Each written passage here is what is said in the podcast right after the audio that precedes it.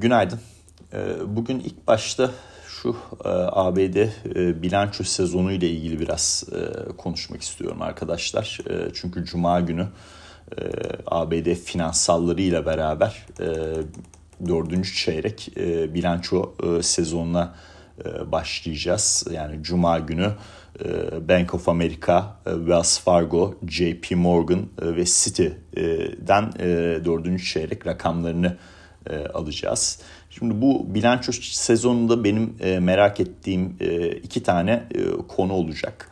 E, birincisi e, dördüncü çeyrekle ilgili olarak açıklanacak e, rakamlar e, normal olarak. Bu niye merak ediyorum? E, biliyorsunuz e, her e, bilanço dönemine gelme başlamadan önce analistler e, şirket karlılıkları ile ilgili olarak revizyonlarda e, bulunuyor. Şimdi dördüncü çeyrekle ilgili olarak FactSet'in verilerine göre e, Eylül sonundan e, Aralık sonuna geldiğimizde yani dördüncü çeyreğin başladığı noktadan bitiş noktasına geldiğimizde yüzde altı buçukluk bir hisse başı karda endeks totalinde bir aşağı revizyon yapılmış. Şimdi bu revizyonu e, geçtiğimiz e, zaman dilimleriyle karşılaştırırsak e, işte 5 yıllık, 10 yıllık, 15 yıllık, 20 yıllık hepsinin üzerinde bir aşağı revizyon. Yani örnek veriyorum geçtiğimiz 5 yılda bilanço döneminin başlayıp bittiği zaman aralığında hisse başı karlarda %2,5'luk bir aşağı revizyon yapılmış. 10 yıllık zamanda 3.3'lük bir aşağı revizyon yapılmış. 15 yıllıkta 4.8'lik e, ve 20 yılda da 3.8'lik e, bir e, revizyon yapılmış. Yani bütün bu ortalamalara baktığımızda dolayısıyla oldukça ortalamalara baktığımızda oldukça yüksek bir aşağı revizyon durumu söz konusu. Bu ne demek oluyor? Açıklanacak karlar beklentilerin üzerinde gelme noktasında daha fazla bir potansiyele sahip. İkinci merak ettiğim konu da işte şirketlerin 2023'e dair veya işte e, ilk çeyreğine dair e, genelde böyle çeyreklik yapıyorlar bunu.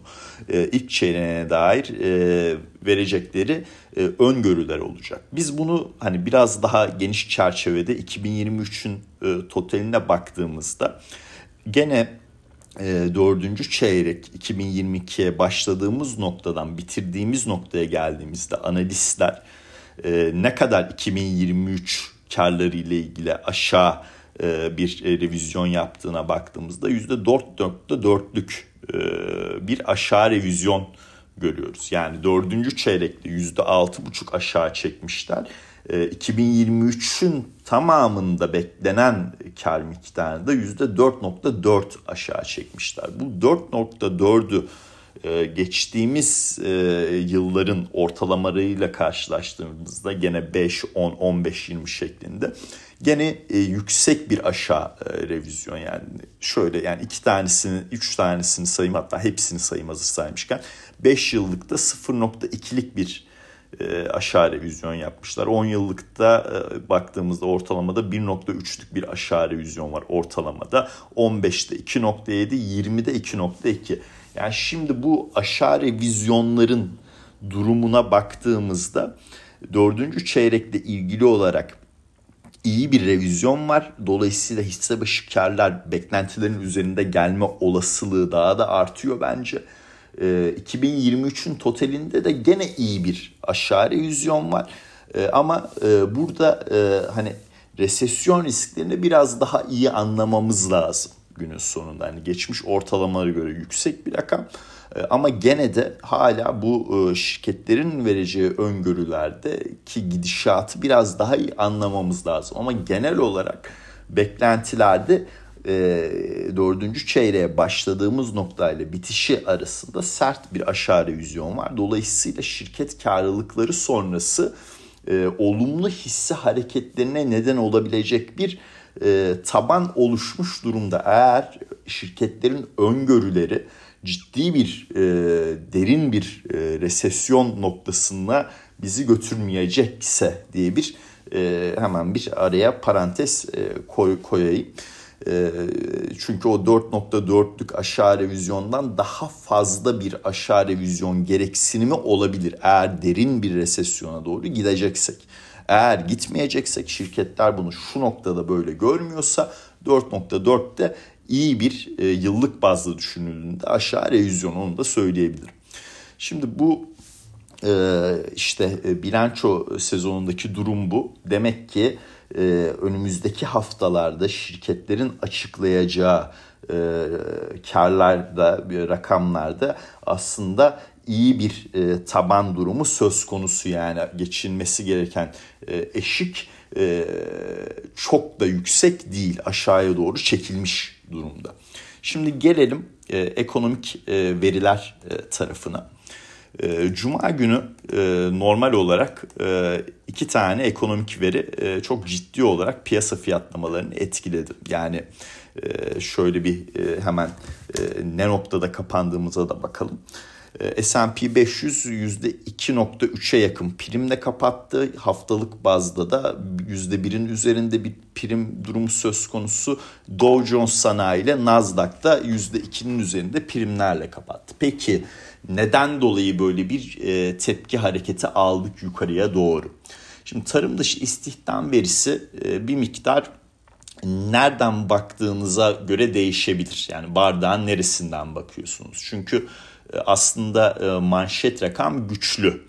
223 binlik bir artış var. E, beklenti 205 binde. Hani 2 aylık ortalama 28 bine de aşağıya çekmiş. Hani o 2 aylık ortalamayı koysanız hani beklentiye paralel veya bir miktar altında diyebilirsiniz. Ama hala 200 binlik bir 200 bin seviyesinde bir artış durumu söz konusu işsizlik oranında ciddi bir aşağı gidişat var. Yani e, bir önceki veri 3.7'den 3.6'ya indirilmiş. E, bu o, Aralık ayı verisi 3.7 gerçekleşmesi, %3.7 gerçekleşmesi beklenirken 3.5 açıklanmış. E, bu tabii e, işsizlik oranının bu seviyede olması e, piyasada e, ya resesyonla ilgili soru işaretleri yaratıyor. Yani biz ne dedik? Kötü veri, iyi fiyatlama, iyi veri, kötü fiyatlama. Neden? İyi veriler geldikçe FED daha agresif olabilir. Kötü veriler geldikçe FED o kadar agresif olamaz düşüncesi altında. Ama e, piyasanın asıl odaklandığı nokta e, fiyatlamalarda bence ortalama saatlik ücretlerdi. Şimdi bu kısım önemli. Piyasa niye buraya odaklanıyor? Şimdi biz e, ABD enflasyon dinamiğinde özünde ürünler enflasyonunda sert bir geri çekilme görüyoruz yükseliş hızında.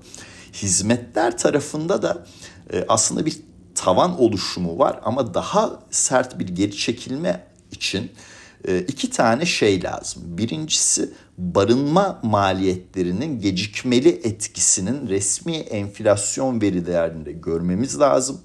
Çünkü ABD'de işte oranın sahibinden .com'u, Hürriyet Emla, e, Kariyer.net'i gibi sitelere baktığınızda kira fiyatlarında yükseliş hızında düşüş görülüyor. Bu net.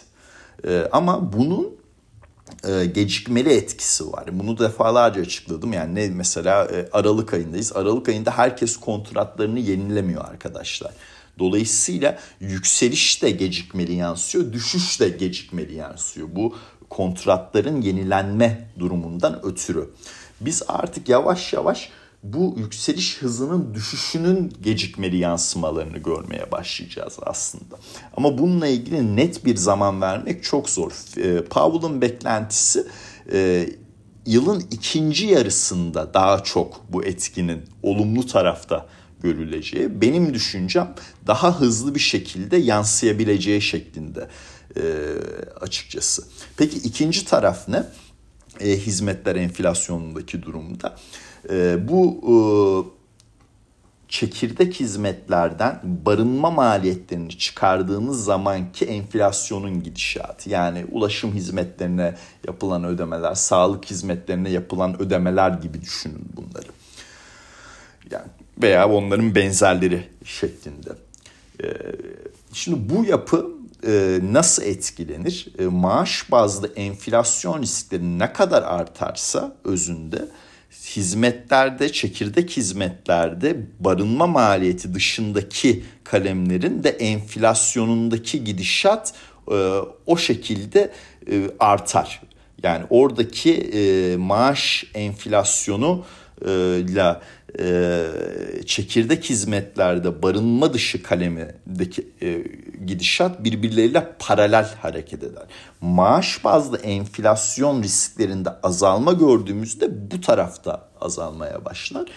E, dolayısıyla e, haf, ha, ortalama haftalık ücretlerde Kasım ayı verisinin yıllık bazda 5.1'den 4.8'e aşağı revize edilmesi, Aralık ayı enflasyon verisinin e, enflasyon diyorum maaş bazlı enflasyon verisi özünde de Aralık ayı ortalama ücretlerdeki e, rakamın %5'ten 4.6 %5 beklentisine rağmen 4.6 gerçekleşmesi oldukça önemli bir durum. Bu maaş bazlı enflasyon risklerini azaltırken aynı zamanda hizmetler enflasyonu tarafındaki riskleri de azaltan bir durum. O yüzden e, piyasa buna oldukça olumlu tepki veriyor. E, şimdi bu yapıda tabii otomatikman e, riskli varlıklar için pozitif bir e, durum ortaya çıkartıyor. Bunun dışında haftalık çalışma saatlerinde de azalma var. Bakın o da önemli bir gelişme yani o 30 34.4'ten 34.3'e gerilemiş haftalık çalışma saati. Yani bu niye önemli? Total siz gelire e, baktığınızda, total gelire baktığınızda bir maaş bazlı enflasyonu hesaba katmalısınız. iki çalışma saatini hesaba katmalısınız. İkisini beraber aldığınızda günün sonunda ya bu Uras kardeşiniz ne kadar para kazanıyor sorusuna cevap verebilirsiniz. Uras kardeşiniz eğer çok ciddi olarak e, e, işte e, maaş bazlı enflasyonda yükseliş hızında bir düşüş görmeye başlarsa, çalışma saatlerinde bir azalış görmeye başlarsa, hizmetler tarafında barınma dışında ödeyeceği e, bütçeyi e, daha iyi anlayabilir. O bütçeyi daha iyi öngörebildiği için harcamalarında daha az bir noktaya gidebilir. Bakın bu önemli bir değişken. Bu da enflasyon riskini törpüler. Dolayısıyla bu veriyi bir miktar böyle analiz etmek lazım. Veri geldikten sonra benim düşüncem 3800 desteğinin net olarak korunacağıydı. Ama dediğim gibi hani bir miktar bardağa nereden baktığınız durumu da var. İşsizlik oranını e, hesaba kattığınızda ama ondan sonra bir sonraki veri zaten durumu net olarak ortaya koydu. ISM hizmetler verisi. ISM hizmetler verisinde e, Aralık ayında Kasım ayında 56,5 açıklanmıştı. 55'e gerilemesi bekleniyordu. 46.9 şey özür diliyorum 49.6 açıklandı. Mayıs 2020'den beri ilk defa hizmetler sektörü verisi daralma bölgesine geçti. Oldukça önemli bir e, durum bu. Şimdi biz imalatta iki aydır eksideyiz, daralmadayız. Hizmetler daralmaya geçmiş. Şimdi para politikasının reel sektöre gecikmeli etkisini anlay- anlay- anlayabiliyor musunuz biraz daha?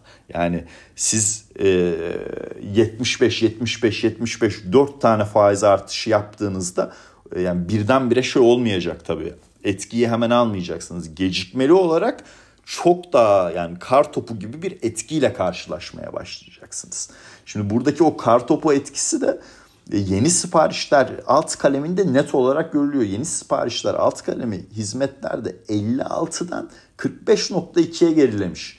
Yani 10 puanlık yani e, e, neredeyse e, hatta 10 puanın e, üzerinde bir düşüş durumu var.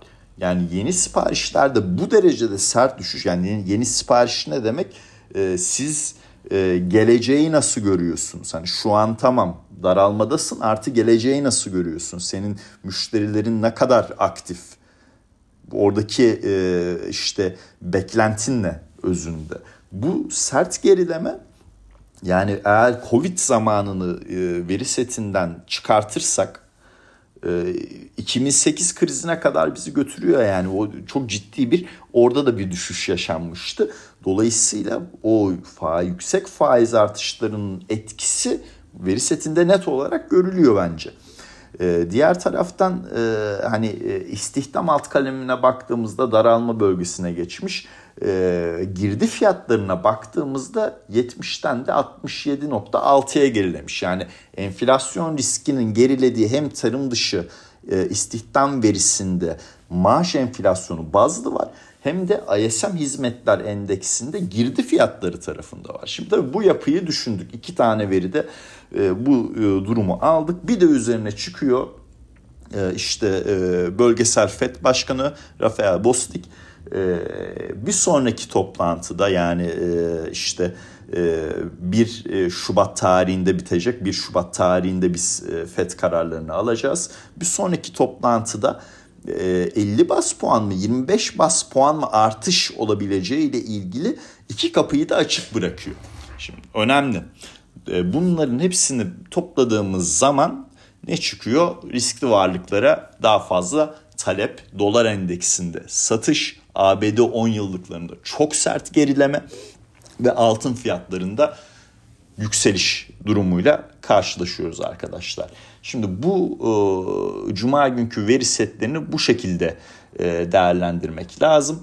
E, ve bunun etkisiyle ne oldu? E, çok uzun bir süredir e, yani 3800-3860 bandında trade ediyoruz. Ne noktaya kırala, kırılacağı önemliydi. E, cuma günü 3895'te e, bir kapanış yaptık. Ee, benim düşüncem şimdi bu hafta da çok oldukça yoğun olacak. Ee, dediğim gibi ben Cuma günü e, finansallarla şey başlıyor zaten dördüncü çeyrek e, bilanço dönemi başlıyor. Ama onun öncesinde salı günü Powell'ın konuşması var. Perşembe günü ABD tarafında Aralık ayı tüfe verisini alacağız. Benim nacizane görüşüm bu veri setini gördükten sonra Powell yani gerçekten finansal koşulları gene sıkmak ister mi? Ee, yoksa tüfeği bir miktar görüp ona göre hareket etmek mi ister noktasında. Ee, ben e, hani finansal koşulları elinden bırakacağını zannetmiyorum. Ama e, Aralık ayı FED toplantısında olduğu gibi e, çok net finansal koşulların daha da çok sıkılaşması lazım noktasında bir açıklama ile geleceğini de zannetmiyorum. Dolayısıyla e, tüfe verisine kadar bence 200 günlük hareketli ortalama S&P 500'de yani 3996 4000 diyelim e, görülme e, olasılığı e, bu hafta e, söz konusu diye düşünüyorum. Ee, bir e, boğa piyasasına ufak da olsa bir boğa piyasasına geçer miyiz sorusunda 50 haftalık ortalama önemli arkadaşlar. O da 4050 seviyesinde. Öyle bir durumun yaşanabilmesi için perşembe günkü tüfe verisinden e, riskli varlıklar açısından oldukça iyi bir veri setiyle karşılaşmamız lazım. Eğer bu böyle de böyle bir durumda yaşanırsa piyasa çünkü otomatikman 1 ee, Şubat'ta alacağı FED kararlarında 25 bas puanı daha çok öne çıkarmaya başlayacak. Yani şu anda hala 50 bas puanın %30'a yakın olasılıkla fiyatlandığını görüyoruz. O olasılık azalmaya devam ettikçe endeks yükselmeye devam edecek. Öyle söyleyeyim. Ee, dolayısıyla hani genel endeksin e, yapısı bu e, benim e, bu haftaki düşüncem altında. Ee, diğer ürünleri hızlıca geçelim. Ee, yani dolar endeksi sert geriliyor. Dediğim gibi cuma günü sert geriledi. Yani euro dolarda e, işte 1.06.80'e yakınız. Ee, ben tarım dışı istihdam verisini gördükten sonra 1.04'ten e, haftalık opsiyonlarda put e, satışı yapmıştım. Bugün kapatabilirim onu. İyi gitti çünkü. iyi bir prim aldığım primin güzel bir kısmını şu anda alabiliyorum. Ee, onu kapatıp eğer 1.0750'ye e, euro dolar giderse e, benim nacizane düşüncem 1.0850'den e, bir put satmak olacak. Yani euro dolarda o bant hareketinin hala bir süre daha devam edeceğini düşünüyorum. Petrolde de benzer durum var işte. Geçen hafta bahsettiğim rakamları tekrardan vermeyeceğim. Orada da aşağı gelince hafta e, işte e, opsiyon piyasasında e, işte 70'den 68'den her neyse e, put satışı yapıyorum. WTI'da yukarı gittiğinde o putları kapatıyorum. Gitti diyelim mesela 76 78'e gidiyorum 80 82 kol satışı yapıyorum. Tekrardan aşağı geldiğinde o kolları kapatarak e, primleri e, topluyorum. E, o şekilde özetleyeyim. E, altın tarafı e, iyi bir yükselişine devam ediyor. E, yani 1800 spotta 1870-75 direnç bölgesi vardı. Onu da geçtik. Onun üzerindeyiz bu sabah itibariyle. E, Valla bence artık ilk çeyrekte yani kademeli olarak 1920 seviyesine doğru bir yükseliş e, gayet e, makul e, görülüyor. E, yani özünde şu e, tavan politika faizine yakınız cümlesini eğer ekonomik veriler böyle gitmeye devam ederse ve tüfe verilerinde terste kalmazsam işin özünde e, bence yakın zamanda alacağız. Bu söylemler daha çok gelmeye başlayacak. Bu söylemler daha çok gelmeye başladıkça e, ABD tahvil piyasasında o verim eğrisinde yukarı doğru hareketlilik olasılığı azalacak hatta aşağı doğru gelme potansiyeli de artacak. 10 yıllıklarda gördük 3 tekrardan 3.50'li e, rakamlara gerilemiş durumdayız. E, bu durumda tabii otomatikman e, hisse senedi e, endeksine pozitif yarayacak. Bir de üzerine o %6,5'luk aşağı e, hisse başı karlarda çekilmeden bahsettiğim olumlu bir bilanço sezonu geçirirsek temel tarafta da o da yükseltmiş olacak. Diğer taraftan da altındaki durum gene 10 yıllık e, getirilerin aşağı doğru çekilmesinden dolayı pozitif bir durum var. Dolar endeksinin yükselmemesi ile ilgili olarak pozitif bir durum var. Bu da e, kademeli olarak pozitif e, yansımaya devam edecek e, diye düşünüyorum. E, açıkçası genel e, fiyatlamadaki durumlar bu.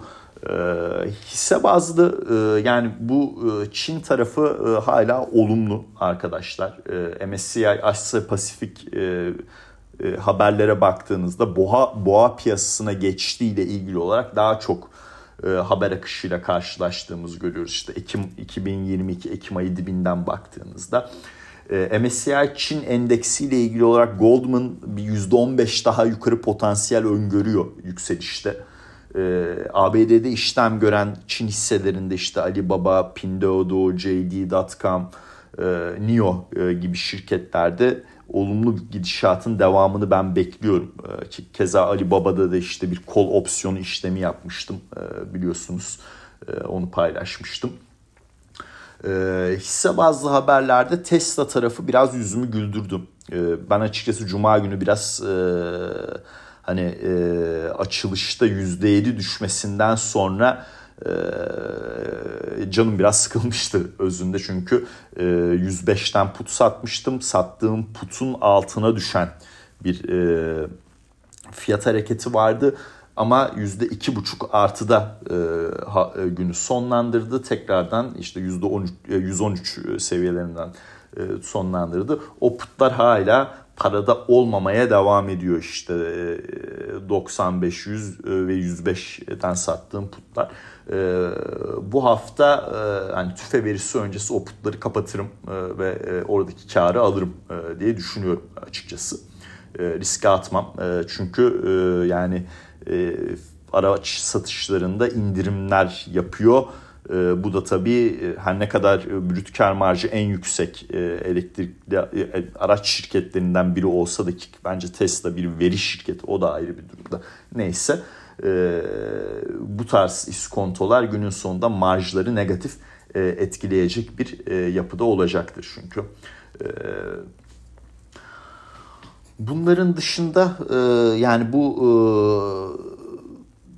yarı iletkenlerle ilgili olarak işte Nvidia olsun, Micron olsun hani e, o tarafta e, iyi gidişat e, var. E, Micron'da e, kol opsiyonum vardı o iyi gidiyor. E, Nvidia'da aldım kol opsiyonu. O biraz yani şu an çok iyi gitmiyor. Yani iyi gitmiyor dedim yani karlılığı çok iyi değil şu noktada.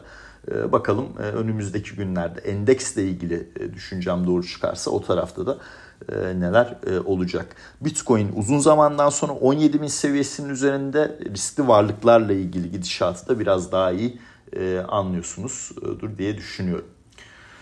E, onun dışında haber akışlarına baktığımda ya Brezilya'dan çok haber akışı geliyor. Ee, kongrenin basılması falan yani enteresan enteresan olaylar oluyor arkadaşlar. Bunun detaylarına girmeyeceğim e, açıkçası.